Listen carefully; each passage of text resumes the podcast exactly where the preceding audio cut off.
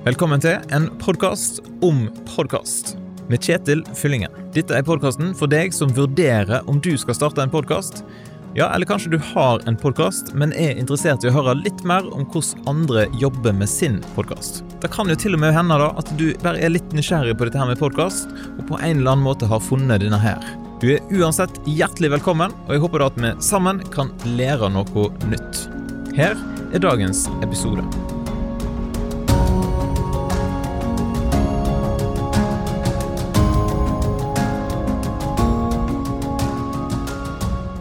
Så bra at du igjen eh, tuner inn til denne podkasten her. En podkast om eh, podkast. I dag skal det handle om hvordan nå ut til nye lyttere. Og Det er kanskje et av de største spørsmålene som vi som eh, lager podkast, går rundt og grubler på. Sant? Her legger vi ned tid, krefter og i det hele tatt gjør vårt beste for å produsere en så god som mulig podkast om et tema som vi brenner for, og som vi tror at andre vil ha nytte av. Og noen har kanskje en plan om å kapitalisere på en på podkasten på sikt, og da er det jo da å ha et ok stort publikum være ganske avgjørende. Vi gjør jobben med å forberede oss, vi spiller inn, vi redigerer, og så publiserer vi en episode. Men hva så? Om ingen får med seg at den finnes, er det da til ingen nytte? Sant? Eller du publiserer reklame for en episode, og du ser i statistikken at ganske mange ser den posten på Facebook, men tallene for nedlastning skyter ikke i været. Hva skal en gjøre da? Noen innspill om hva en iallfall kanskje kan tenke på i første omgang. Sant? Punkt 1. Ha realistiske forventninger. Etter min erfaring så er det ganske krevende å bygge opp et stort publikum for en podkast i dag. Nå finnes det jo ekstremt mange ulike podkaster å velge mellom, og ikke nok med det, det er jo et enormt tilbud av ulike medier som folk eh, konsumerer på ulike plattformer. Og da er det jo lurt å tenke litt på hvor stort er markedet for akkurat din podkast, hvor mange andre er det som er interessert i det temaet som du har tenkt å lage en podkast om? Sånn, har du en skikkelig smal nisje, som for eksempel eh, norske frimerker som er produsert mellom 1960 og 1980 Nå aner jo ikke jeg hvor, hvor mange eh, verken frimerker det er, eller hvor mange som er interessert i akkurat det, men det var bare et eksempel. Men jeg ser jo for meg at det muligens ikke er snakk om da 1000 lyttere til hver episode. Men til gjengjeld så vil jo den gjengen som du eventuelt får med deg, sannsynligvis være et veldig engasjert publikum. Sånn som denne podkasten her, en podkast om podkast, tenker jeg å ha en ganske smal målgruppe, så jeg forventer jo ikke at eh, tallene her skal ta helt av for hvor mange som, som lytter. Men jeg håper jo at han kanskje kan være til hjelp og inspirasjon for noen få som har lyst til å starte en podkast. Da hadde jo vært veldig stas. Men si da at du lager en eh, podkast med ei veldig stor og brei målgruppe, som for eksempel da trening og helse. Da vil du ha potensielt mange lyttere. Men du vil òg ha ganske stor konkurranse, både på podkastfronten og på YouTube og i ulike andre medier. Så kanskje kan det være lurt å, å spisse innholdet ditt inn mot ei bestemt målgruppe, som for eksempel da en podkast for menn over 40 som har som mål å få en fettprosent på under 15 det er sikkert en, en gjeng der òg som er interessert i det, og da kunne du ha produsert innhold retta akkurat mot deg. Uansett, poenget her var altså ha realistiske forventninger. Og punkt to, smør deg med en relativt god dose med tålmodighet. Jeg tror da at det vil ta tid å bygge opp et publikum, og skal podkasten vokse, så vil det veldig ofte da kreve at du leverer godt innhold over tid. Da kan det være lurt å tenke litt over hvor mange måneder eller år med innsats er du villig til å dedikere til podkasten for at du skal se resultat på sikt. Det kan være lurt å sette seg noen konkrete mål og ha noen tanker om hvor stort publikum du ønsker å ha, og da etter gitt antall eh, måneder eller år, ta en evaluering og se om du har nådd målet. Kanskje må du justere målet, kanskje må du justere måten du lager podkasten på, eller kanskje kan du finne deg en annen podkast å lage. Ikke godt å si. En annen erfaring som jeg ser, er at eh, en eh, kan få ganske bra lyttertall i starten. Sant? Med en gang du har sendt eh, melding til alle dine venner om at nå har du startet en podkast, så vil de kanskje gå inn og sjekke, og så er det ikke sikkert at alle blir med videre. Så ikke bli for nedslått om interessen stilner litt etter de første to-tre episodene. Det tror jeg er ganske normalt. Så vil det stabilisere seg, og så vil du bygge det herifra et eh, større publikum.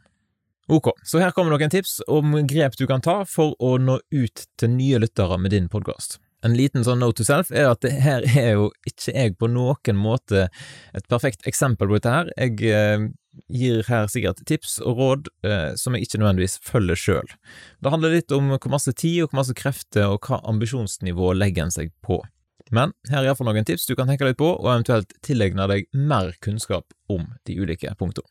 Jeg tror det viktigste tipset er lag den beste podkasten du kan lage. Leverer du kvalitetsinnhold over tid, så vil det gi resultat. Ok, men her kommer altså disse her punktene. Punkt nummer én, jobb med søkemotoroptimalisering. Det handler om at folk må finne podkasten, akkurat din podkast, når de søker etter informasjon om den tematikken som du tar opp. Formulerer du podkastbeskrivelsen, tittelen, teksten til episoden på en sånn måte at folk som da er enten på Google eller inne på Apple Podkaster eller andre podkasttjenester, at de finner akkurat din podkast. Du kan jo òg lage en egen bloggpost på bloggen din eller nettsida di eller hva du har. Hvis ikke du har det, så bør du kanskje lage det, for så vidt. Um, men iallfall, Skriv en bloggpost til hver episode, og pass på at den òg er optimalisert for søk om det som er tema for episoden. Her finner du masse informasjon. Hvis du googler litt etter SEO for podkast, eller søkemotoroptimalisering for podkast, da vil du få en del tips, eller generelt om søkemotoroptimalisering. Et lite eksempel, jeg har jo lagt eh, Ekteskapspodden sammen med min eh, bedre halvdel, og for litt siden så fikk vi en veldig sånn positiv tilbakemelding fra en person som jeg absolutt ikke kjenner, men som hadde da vært og søkt etter informasjon om ekteskap, for at denne personen var på god vei inn i et sånt eh, skap, og ønsket å tilegne seg ulik eh, informasjon og kunnskap. Så hadde hun funnet vår podkast og sendt en god tilbakemelding til oss, for at eh, her hadde de funnet noe som de syntes var på en eller annen måte aktuelt eller, eller morsomt. Så det er bare et lite eksempel på at organisk søk kan gi resultat. Tips nummer to var gjest i andre folks podkast. Dersom du kan få en fot inn i andre folk sine podkaster, eller de stemmer inn i andre folk sin podkast, da kan det være en god måte å konvertere lyttere fra den podkasten inn til din podkast. Forutsetter jo selvfølgelig at du gir, en, gir et godt inntrykk av deg sjøl, og at du framstår som en kompetent person. For det er sannsynligvis lettere å overbevise en som allerede lytter til podkast, om å abonnere på en ny podkast, enn det var for å få folk som ikke lytter til podkast, til å lytte til podkast. Tips nummer tre engasjer deg i sosiale medier. Det var kanskje ikke sånn veldig sjokkerende tips, men eh, da å gå i dialog, bruke tid på å snakke med folk i sosiale medier, kommentere, dele innhold, delta i diskusjoner i aktuelle grupper og tilføre verdi, vise at du er en ressursperson som har noe å komme med, det kan gi deg nye lyttere på sikt. Her kan det selvfølgelig gå veldig masse tid med til dette, her, så du må jo ta en vurdering på om du mener at det er verdt det eller ikke. En liten sånn side note er at noen har en strategi på at de følger mest mulig folk på Instagram, for å se om de følger tilbake, og så avfølger de etter kort tid. Da syns jo kanskje jeg er en sånn strategi som ikke er helt uh, sympatisk, men uh, her kan en jo tenke ulikt, jeg vet ikke hva du syns om, om det. Men uh, mitt tips er å engasjere seg mer på en positiv måte. Tips nummer fire er jo å annonsere. Har du altfor masse penger til overs, da kan du jo kjøpe annonser i aktuelle kanaler, om det er i lokalavisa, eller om det er på Facebook, eller i lignende medier. Da må jo du ta en vurdering på. Dette har ikke jeg testa ut i veldig stor utstrekning, men eh, de gangene jeg har putta penger på noen eh, episoder på Facebook, så har ikke det gitt sånn nevneverdig godt resultat. Men der vil det helt sikkert variere ifra podkast til podkast. Så hvis du har andre erfaringer, med dette her, så vil jeg gjerne høre fra deg, og kanskje du kan gi meg noen gode tips om hvordan en bør annonsere. Punkt nummer fem er å finne en aktuell eh, samarbeidspartner. Der har jeg litt erfaring med å samarbeide med for eksempel lokalavis eller med ulike radiostasjoner, og da kan jo være en god måte å nå ut til folk på. Nå er det jo litt vanskelig å spore om det å dele podkasten med en radiokanal faktisk gir deg flere abonnenter til podkasten, men uh, uansett så kommer du ut med, med, et budskap, og det kan jo være at det gir deg noen nye følgere. Ikke godt å si. Uansett så kan det iallfall ikke skade. Og samarbeidet med lokalavis det var en fin måte å få starte opp uh, Sunnhordlandpodden på. Så det var et samarbeid som jeg satte stor pris på der. I tillegg så ga det meg litt inntekter, og det skal vi komme tilbake til i en annen episode. Tips nummer seks det er å invitere med seg aktuelle gjester i podkasten. Det er såpass åpent lys at det er nesten ikke vits i å ta med, kanskje, men nå tok jeg det med uansett. Får du en superkjendis med, og en person som ikke nødvendigvis er med i tusen andre podkaster, så vil jo da klart kunne gi en god gjeng med lyttere. I alle fall til akkurat den episoden. Så er jo spørsmålet om du klarer å få de med deg videre på podkastreisen din. Tips nummer sju er å se litt på dette her som har med nyhetskriterier å gjøre. Der kan du google litt om det. Klarer du å ta opp et tema som er aktuelt, som har stor informasjonsverdi for de målgrupper, eller som oppleves nært, og som folk blir følelsesmessig berørt av, noe som lytterne kan identifisere seg med, eller noe som er en typisk konfliktsak, så er jo det noe som kan gjøre at flere blir interessert. Tips nummer åtte det er å oppfordre til deling og rangering. Det er òg en ganske vanlig strategi, tror jeg, at en oppfordrer de som allerede lytter, til å dele podkasten med noe som de tror kan være interessert. Det er iallfall sånn for meg at hvis noen jeg kjenner og som jeg stoler på, sterkt anbefaler en podkast, ja, da vil jeg jo gi den podkasten en sjanse. Og da å få de som lytter til å skrive en omtale for eksempel på Apple Podkaster, eller til å gi noen stjerner, det òg kan gi podkasten din mer synlighet på den plattformen. Selv om min erfaring er at det skal ganske masse til, egentlig, både da å få meg til å skrive en uh, omtale, eller få meg til å faktisk anbefale en podkast til noen andre. Jeg vet ikke hva din erfaring er akkurat der. Og til syvende og sist, tips nummer ni, hvis ikke noe annet hjelper, ja, da kan du jo bli en kjendis. Sant? Meld deg på og bli med på et eller annet uh, reality-program, og der kan du gjøre enten en veldig bra profil, eller en veldig dårlig, sånn at uh, folk legger merke til hvem du er. Da vil de jo muligens følge deg fordi de syns at du er en bra fyr, eller fordi de syns at du er en skikkelig dust.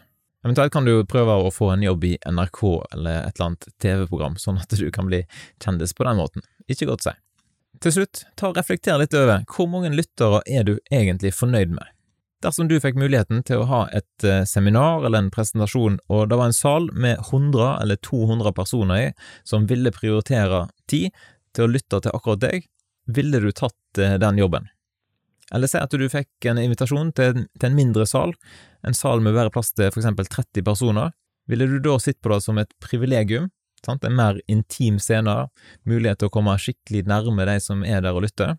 Min erfaring det er iallfall at folk som lytter til podkast, da er kvalitetsfolk. Da vil jeg jo tro at du er enig i, ikke sant? Og da å få lov til å bruke tid sammen med noen som aktivt har valgt å lytte til akkurat det du har å si om et tema, det er jo et privilegium.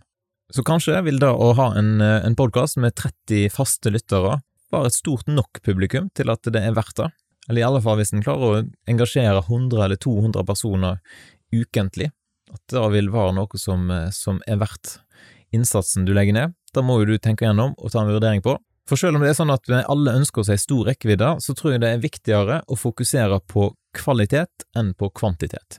Sant? Kvaliteten i det som du kan levere, og kvaliteten på ditt publikum. Hva tenker du om dette her? Har du andre tips som burde vært med her, eller har du lyst til å gi en tilbakemelding, da kan du ta kontakt med meg via podkast.lekenelett.nett, eller du kan jo søke meg opp, Kjetil Fyllingen, i sosiale medier. Supert, og vi kom til veis ende i denne episoden her. Neste gang da skal det handle litt om eh, hvordan en kan ta opp en podkast hvis en har gjester som ikke er i samme studio som deg, altså ta opp eh, via nett. Det kan jo være aktuelt eh, å gjøre, spesielt nå i denne koronatida vår. Så fram til da så må du ha det så bra som mulig, og så poddes vi jo da plutselig igjen. Takk for at du ble med gjennom denne episoden her. Og Har du spørsmål, innspill, tips, eller bare har en enorm skrivekløe, da kan du sende en e-post til podkast.lekenelett.nett. Og Tenker du på å starte en podkast, så er mitt tips kjør på. Kanskje så forandrer den ikke verden, men den kan jo forandre livet til noen der ute. Og kanskje kan den òg forandre livet ditt en smule. Så lykke til med din podkast.